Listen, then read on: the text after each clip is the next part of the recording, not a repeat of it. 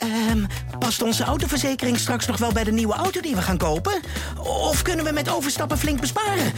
Genoeg van het stemmetje in je hoofd? Even Independeren. Daar word je altijd wijzer van. Vergelijk nu en bespaar. Welkom bij Independer.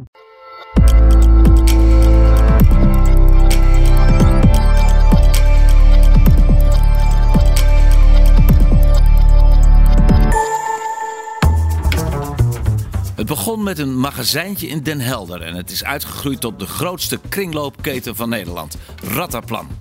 Hoe doet ondernemer Gertjan Dekker dat? Hoe geeft hij leiding aan 1500 mensen? Want naast Rattenplan runt hij ook nog eens bijna 50 fietsenstallingen bij NS-stations. Wat maakt zijn bedrijf zo bijzonder? En hoe gaat hij om met tegenslagen als brandstichting en een recessie die ook zijn keten niet ongemoeid zal laten? We praten erover in Zicht op Zaken. Gert-Jan, daar zitten we midden in jouw imperium. Hoeveel zaken heb je inmiddels? 30 kringloopwinkels, uh, verspreid over Noord-Holland, Zuid-Holland, Flevoland. En dit is een hele grote? Ja, dit is uh, in ieder geval in Amsterdam de grootste, uh, maar niet onze grootste. Dus onze grootste kringloopwinkel is dan in Den Haag. En hoe groot is die?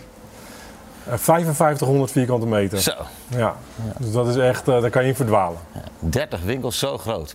Ja. Hoe is het allemaal begonnen? Uh, nou, Rattenplan bestaat al sinds 1982. We waren eigenlijk een van de eerste kringloopwinkels in Nederland.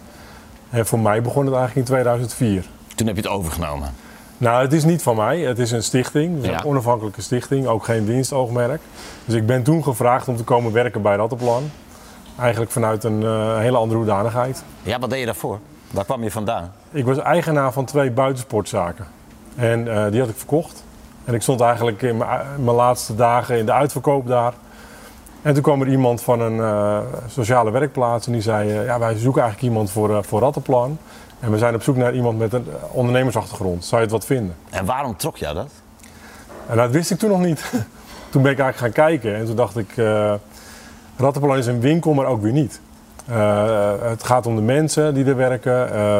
de eerste kringloopwinkel van Rattenplan, waar ik toen aankwam. Mm -hmm leek meer op een magazijntje. De, de kassa was eigenlijk redelijk onbelangrijk. Stond ergens in een hoekje zou je kunnen zeggen. Ik denk, ja, hier kan je dus eigenlijk een winkel van maken. Daarom trok het me zo. Jij wilde alles anders gaan doen. Ja, klopt. Hoe?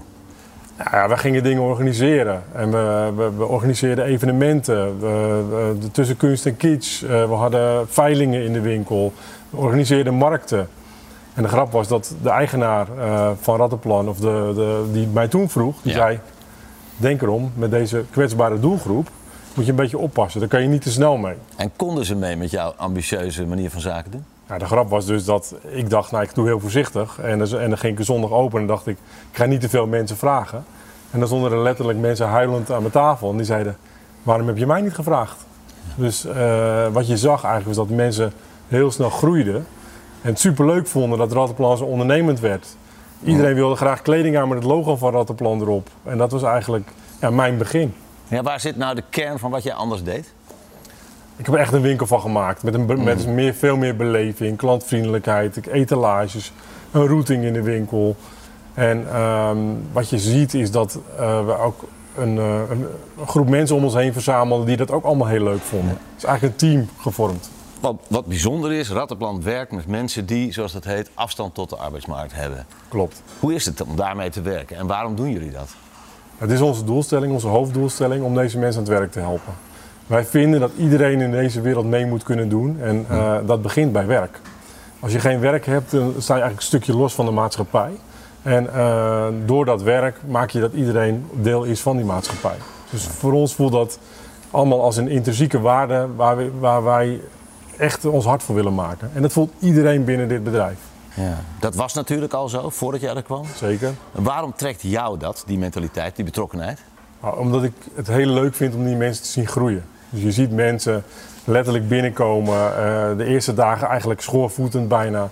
Het denken, nou, dit is helemaal niet leuk werk. Uh, en dan zie je dat die verandering in die mentaliteit ontstaan. Hè. Het begint ermee dat je zegt, weet je wat een wekker is? En uh, als je dat weet, zet hem ook. En als hij dan gaat, stap uit je bed. Tot en met. daar ja, begint het daar echt. begint het echt mee. Heel bazaal. En daarna zie je dat mensen het heel leuk vinden om collega's te hebben. Ja. Een doel in het leven. En dan zie je mensen letterlijk binnen weken al groeien. Ja. En dat vind ik nog steeds heel mooi om te zien. Wie, zijn, wie zijn dat dan? Wie moet ik me daarbij voorstellen? Eh, nou mensen ja, met een mentale achterstand of, of ook mensen met fysieke achterstand? Van alles. Van alles. En, en ik kan je ook eerlijk zeggen, ik loop dan ook wel eens tegen, tegen dingen aan waarvan ik denk, oeh, dat had ik even van tevoren moeten weten. Hè? Want iedereen heeft zo zijn bijzonderheden. Ik kan er ook wel voorbeelden in noemen. Hè? Bijvoorbeeld mensen die iets hebben in het autistisch spectrum. Ja. Die kan je bij voorkeur niet vier opdrachten tegelijk geven. Nou, daar kom je dus achter als je dat een keer doet. Dus daarna snapte ik ook, oh ja, stom, dit had ik moeten weten. Eh, dus, eh, maar door dat te proberen en te doen, en, d- had ik wel een hele leuke groep mensen om me heen verzameld. Ja, het, was, het is heel bijzonder om dat mee te maken. ja. Maar ja, dat doe je zonder dat je een speciale deskundigheid daarvoor hebt. Toen nog, ja, in, de, in de wel. praktijk geleerd. in de praktijk geleerd. Ja. Inmiddels natuurlijk wel heel veel erover gelezen en eh, studies voor gevolgd eh, daarna. Maar toen inderdaad eh, bijna, bijna trial and error. Waar komt dat bij jou vandaan, die betrokkenheid? Eigenlijk van kinds af aan vond ik het al heel belangrijk en, om te zien wat er omheen gebeurde. Dus wat er met de aarde gebeurt, vond ik het belangrijk dat mensen niet uitgesloten werden. En eh, ja, dat, dat, dat zit er bij, bij mij gewoon in. En toch maak je ook winst. Het is een stichting, hè? dus de- die winst die gebruik je voor iets anders. Maar je Ja. verdient geld met dit bedrijf. Met, Ja. deze, hè? Stichting, ja, zeker. met deze stichting. Ja. ja, het is een beetje een misvatting om te zeggen van je hebt geen winstoogmerk, dus je maakt geen winst. Want ik kan je vertellen, ieder bedrijf wat geen winst maakt, dat houdt op, een- op een gegeven moment op. Precies. Dus je wilt investeren. En wij hebben dan ook nog een groeistrategie, want wij denken dat we nog veel meer mensen aan het werk kunnen helpen. En daarom hebben we die groeistrategie en daarom moeten we winst maken. Nou, dus jij moet eigenlijk een soort van. eh, nou, ja, je, bent, je levert zorg, je helpt mensen. Aan de andere Ja. kant ben je puur ondernemer. Ja, Hoe, is- verhoudt dat zich tot elkaar? Ja, ik denk dat dat juist ook onze kracht is. Dus dat wij door het op- een ondernemende, commerciële manier aan te pakken, dat we daardoor kunnen groeien en mensen mee kunnen laten groeien met ons. En dat we daarmee nog meer arbeidsplaatsen kunnen realiseren. Tegelijkertijd ook nog veel meer spullen kunnen verkopen. Waardoor we het milieu een handje kunnen helpen. Win-win eigenlijk. Win-win, ja, Ja, ja. ja, En je maakt winst en jullie zijn gegroeid. zeker. Want toen jij kwam, hoeveel bedrijven waren er toen? Hoeveel rattenplans? Toen waren het één bedrijf. Eentje. Ja, ja. En nu 30? ja, plus nog meer dan dat. Ja. Ja. want jullie doen nog iets erbij. Zeker. Dus eh, de 30 kringloopwinkels eh vertegenwoordigen ongeveer 50% van onze eh, werkgelegenheid. En de andere 50% zit in fietsenstallingen die we exploiteren voor de Nederlandse spoorwegen. Hoe is dat zo gekomen? Ik, eh, min of meer toevallig uh, was het zo dat in 2008 de NS op verschillende plekken de stallingen ging automatiseren. En uh, een wethouder van uh, Heergewaard zei tegen mij, uh, wij krijgen reizigers die zich eigenlijk niet meer zo prettig voelen in de stalling. En het heeft ermee te maken dat ze het menselijke, menselijke gezicht daar missen. Ja. Zouden jullie als sociale onderneming daar niet iets kunnen betekenen? En toen zei ik tegen die wethouder, ja, ik, ik wil dat best doen. Ik zeg, maar ik kan me niet voorstellen dat ik iemand op een stoeltje zet uh, om een kaartje te gaan verkopen. Je wilde dan meteen iets van maken? Ja, ik denk dan is het ook leuk dat we een fiets kunnen repareren, dan kunnen we een fiets verhuren. En we kunnen iemand dan ook een vak leren op die plek. Want je leert niet iets van op een plek alleen maar op een stoeltje zitten. Nou, de grap was dat uh, de wethouder zei, nou dat ga ik vragen aan NS. NS zei, dit willen, vinden we wel een leuke testcase, laten we het proberen. En wat gebeurde eigenlijk was dat die stalling van nul naar een volle stalling ging. Want die stallingen liepen leeg? Ja, want mensen voelden zich er niet veilig. Ze moesten door een hekje, er hing ja. een camera. Het, het, is heel onpersoonlijk. En het werd van heel onpersoonlijk, heel, juist heel persoonlijk. Het vriendelijk gezicht. En we konden je fiets repareren, even je banden oppompen. Dat, het was natuurlijk superleuk. En dat, dat, uh, toen zei de NS, hey, dit is eigenlijk wel leuk. Willen jullie het ook niet doen in, uh, in Alkmaar? Willen jullie het niet doen? En voordat ik het wist eigenlijk zat ik ook in Arnhem. En zat ik in Eindhoven. En zat ik in Den Bosch. En nu? En nu zit ik op 49 van dat soort plekken in Nederland. En kon dat zomaar? Want nee, uh, je bent een soort monopolist dan. Dat, Nee, dan moet je aanbesteden, denk ik. Nee, er kwam op een gegeven moment een moment, toen zei NS tegen ons... Uh, ja, beste Rattenplan, we vinden het superleuk. En we zijn super tevreden, maar uh, dit wordt uh, zo groot. Dit moet een Europese aanbesteding worden. En we, nou, op zich uh, hadden wij als Rattenplan toen nog nooit meegedaan aan een Europese aanbesteding. Nee. En dat was ook wel spannend dus. En? En die wonnen we. Die wonnen jullie. Die, die een half jaar geleden, ja. Natuurlijk heel wel bijzonder om voor ja, op, op dat moment een kleine sociale onderneming om zo'n Europese aanbesteding te winnen. Klinkt allemaal als een enorm succesverhaal. Dat is het in feite ook. Ja. Maar jij hebt ook te maken gehad met de nodige moeilijkheden die een ondernemer tegenkomt. Om te beginnen natuurlijk corona bijvoorbeeld. Hoe, Ja. hoe, hoe, hoe is dat voor jullie geweest?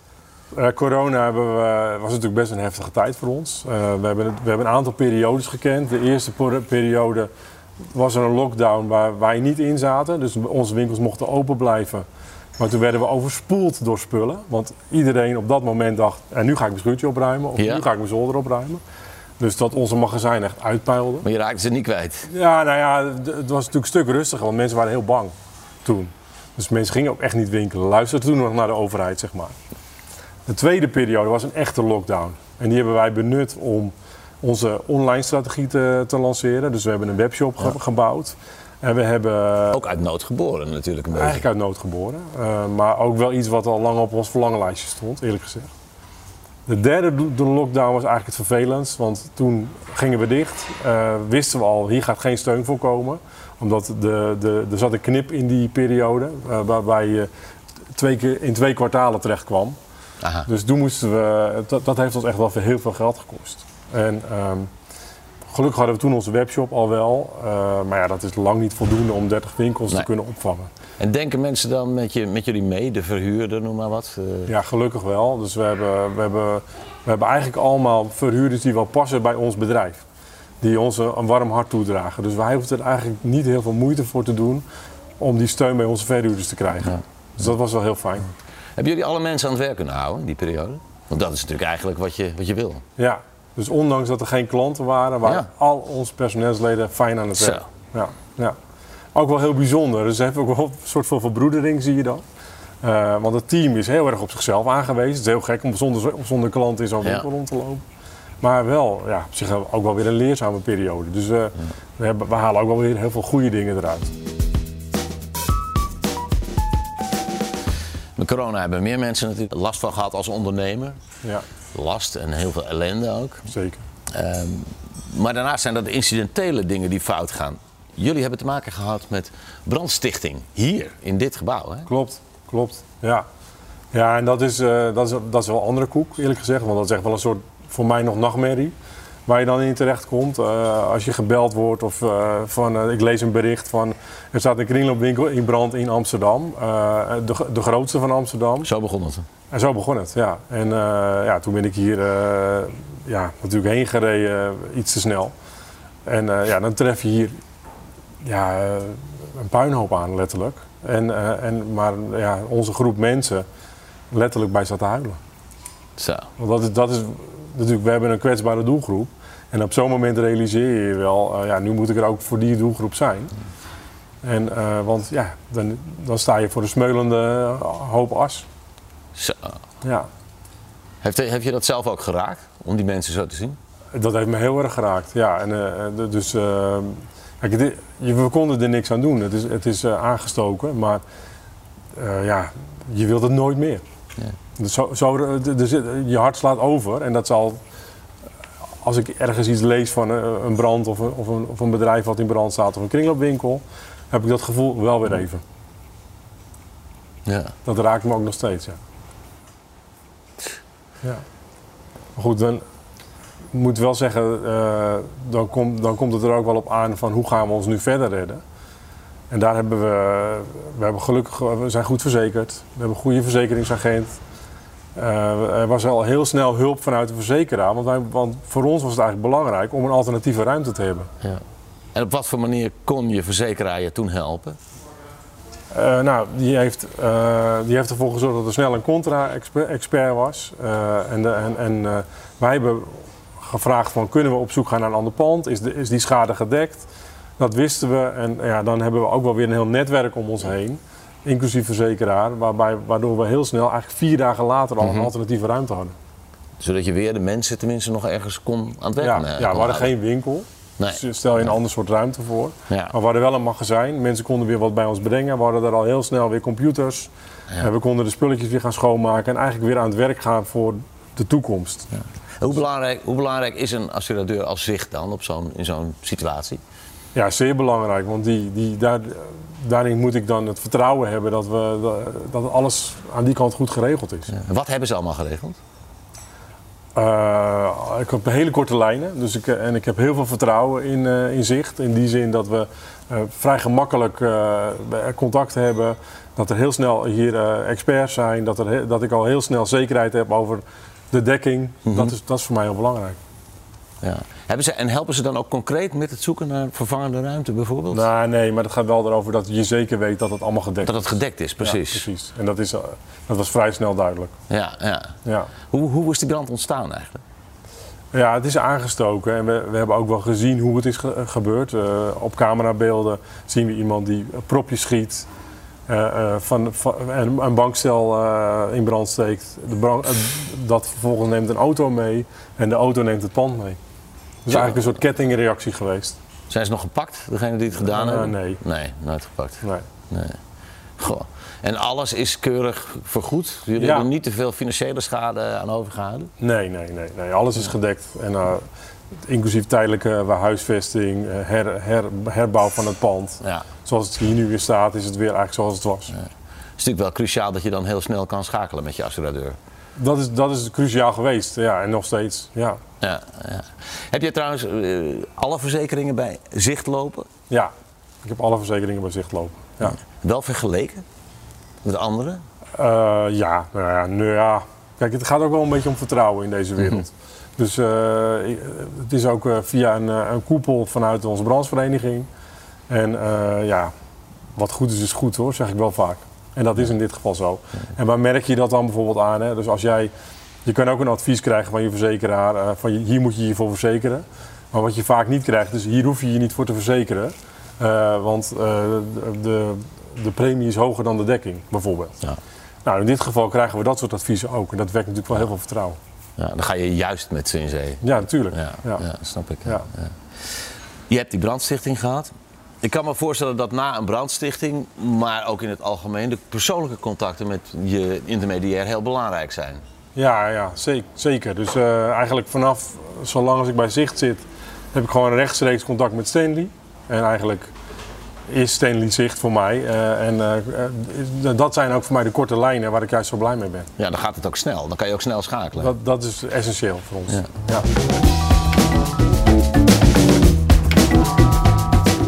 Voor soort ondernemer ben jij? Hoe zou je jezelf kenschetsen? Ja, om, om te beginnen denk ik gewoon echt een sociaal ondernemer, maar wel echt een ondernemer eh, waarbij het ondernemen in mijn bloed zit. Dus eh, ook vanuit mijn familie van vroeger. Dus het is eh, vanuit een familiebedrijf groot geworden. Ja. En, en ik, ik ben in het familiebedrijf groot geworden na de- en daarna ben ik bij Rattenplan terechtgekomen. Dus ik ben, en Rattenplan voelt voor mij, ondanks dat het niet voor mij is en dat het een stichting is, toch als een soort familiebedrijf. En, en, en je familie, je gezin is er ook zijdelings bij betrokken, hè?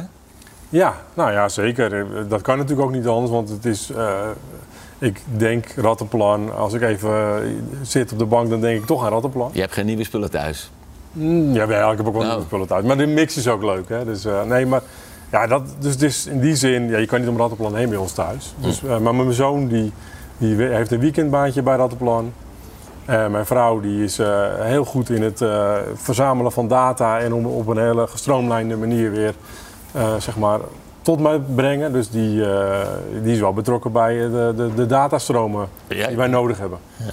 En je, en je dochter is heel sociaal bewogen ook. Ja, en mijn dochter studeert scheikunde, dus die is ook in ieder geval heel, maakt zich ook zorgen om de aarde. Precies. Dus ja, dat het zit er wel in, ja. Ja, Ja. een familiebedrijf eigenlijk, soort van. Ja, en dus iedereen om me heen, binnen het team die, eh, de- van bedrijfsleiders eh, eh, of, of mijn staf. Ja, dat voelt wel alsof het met... We zijn echt een team die het met z'n allen moeten doen. Ja. Ja. Maar dan heb je eh 30 kringloopwinkels en nou, nog bijna 50 fietsenstallingen. Ja. Heb je nog wel dat contact met, met, met de mensen waarvoor je het deed eigenlijk? Ja, sowieso. Het is natuurlijk wel... ik, ik zit er wel iets meer afstand. Het kan natuurlijk niet anders. Maar ik zie nog wel... we- Ons, ons eh, centraal bureau zit in een winkel. Dus daar zie ik sowieso eh, nog... eh, zit ik redelijk dicht op de werkvloer. En ja, ik kom in allemaal winkels. En ik ken ook heel veel mensen nog wel. Ja. Ja. Ja. Wat vind jij je- beste eigenschap als ondernemer? Dat is moeilijk om over jezelf te zeggen, denk ik. Maar, Wat zeggen mensen over jou? Dat ik gewoon dat ik eigenlijk altijd kansen zie. Ik denk dat dat wel mijn, mijn, mijn sterkste punt is. Ik, ik rij, eh, om een voorbeeld te noemen, letterlijk ergens langs een pand en dan denk ik, het is een mooie plek. Hier, eh, en dan rijd ik eens een rondje en dan denk ik, en dan kijk ik eens eh, hoeveel mensen wonen hier. wat is het, zeg maar. dus ik, ik, ik denk, ik, Samenstelling van ik de bevolking. Ja. Maar dit is, dat, is heel bazaal, maar ik denk eigenlijk in kansen. Ik eigenlijk Ja. denk nooit in onmogelijkheden. Ik, ik, ik ben van het halfvolle glas, zeg maar. En wat is je zwakste punt? Eh, dat is misschien ook meteen mijn zwakste punt. Dat ik, eh, dus de, de, de, de, de kansen zie ik volop. En bedreigingen, daar, daarvan denk ik, die overwin ik wel. Waar lig je wakker van op dit moment? Poeh, ja, nou ja, ik lig, ik, li- ik lig wel wakker van wat er gebeurt in de wereld. de, oorlog in Oekraïne nu. Dat, dat is een bedreiging die op ons afkomt. En ik, ik maak me dan zorgen om mijn mensen. Hè, wat ik bedoel, het doet iets, met, het doet iets met onze koopkracht. Dat zie ik natuurlijk eh, binnen mijn doelgroep. heel- die raakt dat heel hard. Ja, ja, ja. Maar dat ga ik natuurlijk ook in mijn winkels wel merken. Wij zitten natuurlijk eh, ergens in de achterkant, aan de achterkant van de keten. Jij koopt een nieuwe bank eh, en je doet een andere bank weg. Of je koopt een gebruikerbank en je doet een andere bank weg. Maar ik doe niet iets weg als ik geen nieuwe koop. Dat is het. Dus Ja. wij zitten ergens daar aan die achterkant. Dus dat gaat kringloopwinkels ook, gaan kringloopwinkels ook merken. En wat doen jullie dan concreet voor Oekraïne? Ja, we zijn eh, eigenlijk, omdat wij dat kunnen, meteen in actie gekomen. Dus wij, wij zijn natuurlijk een eh, bedrijf met, eh, met 30 winkels, met magazijnen, met eh, heel veel auto's. Dus wij, wij dachten is, kunnen we niet spullen gaan inzamelen die, die daar nodig zijn. Dus we hebben eigenlijk een inzamelingsactie zijn we gestart. En we werden overspoeld door spullen. Dus onze magazijnen peilden uit, letterlijk. En eh, toen zijn we, hebben we eigenlijk een partij gevonden. We zijn rechtstreeks naar het eh, Rode Kruis gegaan eh, in Lu- Luhansk in Polen. En van daaruit zijn de spullen naar Oekraïne gegaan. En we zijn echt met een konvooi van rattenplanauto's richting Utrecht gegaan. En van daaruit is het in hele grote vrachtwagens richting Polen gegaan. Niet te geloven. En in, in oorlogstijd dus daarheen eigenlijk. Ja, en op dit moment, eigenlijk zijn we, afgelopen week hebben we 200 huizen ingericht voor, eh, voor mensen die nu in Nederland onder de, eigenlijk, eh, asiel hebben gekregen. En dat allemaal natuurlijk kosteloos. Nou ja, inderdaad, eh, gedeeltelijk, want we, we worden wel betaald voor onze logistiek. Ja, ja, ja, ja. Ja, je moet ja. die spullen wegbrengen en je Precies. moet ze brengen naar de huizen van de vluchtelingen. Ja. Mooi werk. Ja. Als je nou vergelijkt hoe de Rattenplan kringloopwinkel eruit ziet op dit moment... in vergelijking met die eerste die jij toen overnam, Ja. waar je toen directeur van werd. Ja. Hoe ziet, wat is er veranderd? Hoe ziet hij er nu uit? ja, wij spreken binnen Rattenplan over 1.0, 2.0, 3.0. Nou, 1.0 is eigenlijk de ouderwetse kringloopwinkel zoals je... Als je denkt aan een kringloopwinkel, zo was die ook Ja. toen. Bijna moest je over de doos heen stappen, bij wijze van. 2.0, wat wij hebben gedaan is, we hebben eigenlijk overal veel meer beleving in die winkels gebracht. Dus er kwam een lunchroom in onze winkels, eh, er kwam een fietsenmaker in onze winkel. ehm, dus er, kwam veel meer beleving in. En daaromheen allerlei evenementen die we organiseren. En eh, op, inmiddels zijn we natuurlijk bezig met 3.0 en denken we alweer aan 4.0. Wat 3.0 eigenlijk is, is dat we het onderwijs in de winkel hebben gebracht. Dus letterlijk als hart van onze winkel is het onderwijs. De Rattenplan Academy. De Rattenplan Academy. Dus wij leiden mensen op in een, eh, in een winkel. Dus mensen zien om zich heen ook eigenlijk winkelend publiek, zoals wij hier ook zitten. En eh, de, eh, vanuit die optiek denk- denken we dat we de klant laten zien. We doen meer aan deze mensen dan alleen maar de werkplek, maar Ja. we leiden ze ook op. Eh, dat is één. En het tweede is, eh, het, het- voor de mensen is het natuurlijk een, een hele fijne omgeving. Want je hebt het dan over een groep die niet meer zo snel de stap zet naar het ROC Ja. letterlijk een doelgroep tussen de 18 en 52. Die, voor wie de drempel wat aan de hoge kant is, zeg maar. En wij leiden die mensen dan op op mbo-niveau. Fantastisch, ja. Waar ga jij heen in de toekomst met dit eh, imperium? Ja, wij hebben wat, we, wat je noemt een, eh, een 10.000 banenplan. En dat is eigenlijk onze eh, stip op de horizon. Dus wij willen eigenlijk nog eh, een flinke groei doormaken de komende 10 jaar. En, en wat ik voor me zie is in elke stad in Nederland een, een rattenplanwinkel. Eigenlijk. Ja. Ja. En hoe ziet die Rattenplanwinkel van de toekomst er dan uit? Ja, dat is, het is seamless. Dus webshop en, en, en de fysieke winkel is één geworden. En dat, is, dat is één. Het zijn allemaal Rattenplan 3.0 winkels. Dus eh, je vindt onderwijs in onze winkel. Je, je hebt het menselijke gezicht waar, waar, waar wij om bekend staan. Dus je, wij gaan niet mensen achter de schermen laten werken, maar liefst juist voor de schermen. Ja. Dus hoe belangrijk of minder belangrijk is dan online voor jullie in de toekomst? Nou Ja, je je kunt er aan de ene kant niet omheen. Eh, het, het, zal, het, zal, het zal niet een hoofdomzetgroep bij ons eh, Mhm. gaan zijn. Eh, maar het is wel leuk dat mensen ook leren wat het is. Dus bij ons zit ook het leeraspect aan. Van Ja. Hoe zet je, zet je iets op een webshop? En als je iets verkoopt, hoe heb je dan contact met je klant? Wat natuurlijk anders is dan in deze winkel. Dus het is het, het leereffect enerzijds. Anderzijds, het is voor ons ook een, een, een stap naar deze winkel. Dus als mensen een paar keer dingen bij ons online hebben gekocht, dat ze dan wel ook in onze winkels komen. Want dat vinden we natuurlijk toch het leukste. Ik kan het zeggen, het, het liefste wil je dat de mensen die hier werken Ja. met de buitenwereld, met Exact. mensen in contact komen. Exact. Dus het is een verlengstuk. Zit bij jou de uitdaging nog steeds in Rattenplan? Of zeg je, nou, ik ga eens een keer omheen kijken, ik ga wat anders doen? Nee, dat zou, ja, dat, gevoelsmatig kan ik dit niet loslaten. Dus ik, eh, eh, het is natuurlijk iets wat ik vanaf één winkel heb zien groeien tot, tot waar we nu zijn. Eh, Dat is één. Twee, eh, wat ik al zeg, het voelt als een familie voor mij. Ja. En dat, dat is ook wederzijds. Dus eh, nee, ik, ik zie mezelf hier eh, met pensioen gaan. Werkelijk. Ja. Als ik dat ooit al ga doen. Ja. Mooi. Ja. Ik wens je heel veel succes met je mooie onderneming, mooie stichting. Dankjewel. Dit was de tweede aflevering van Zicht op Zaken met ondernemer Gertjan Dekker van kringloopketen Rataplan. Wil je deze en andere afleveringen nog eens beluisteren? Zoek dan naar Zicht op Zaken op je favoriete podcastkanaal.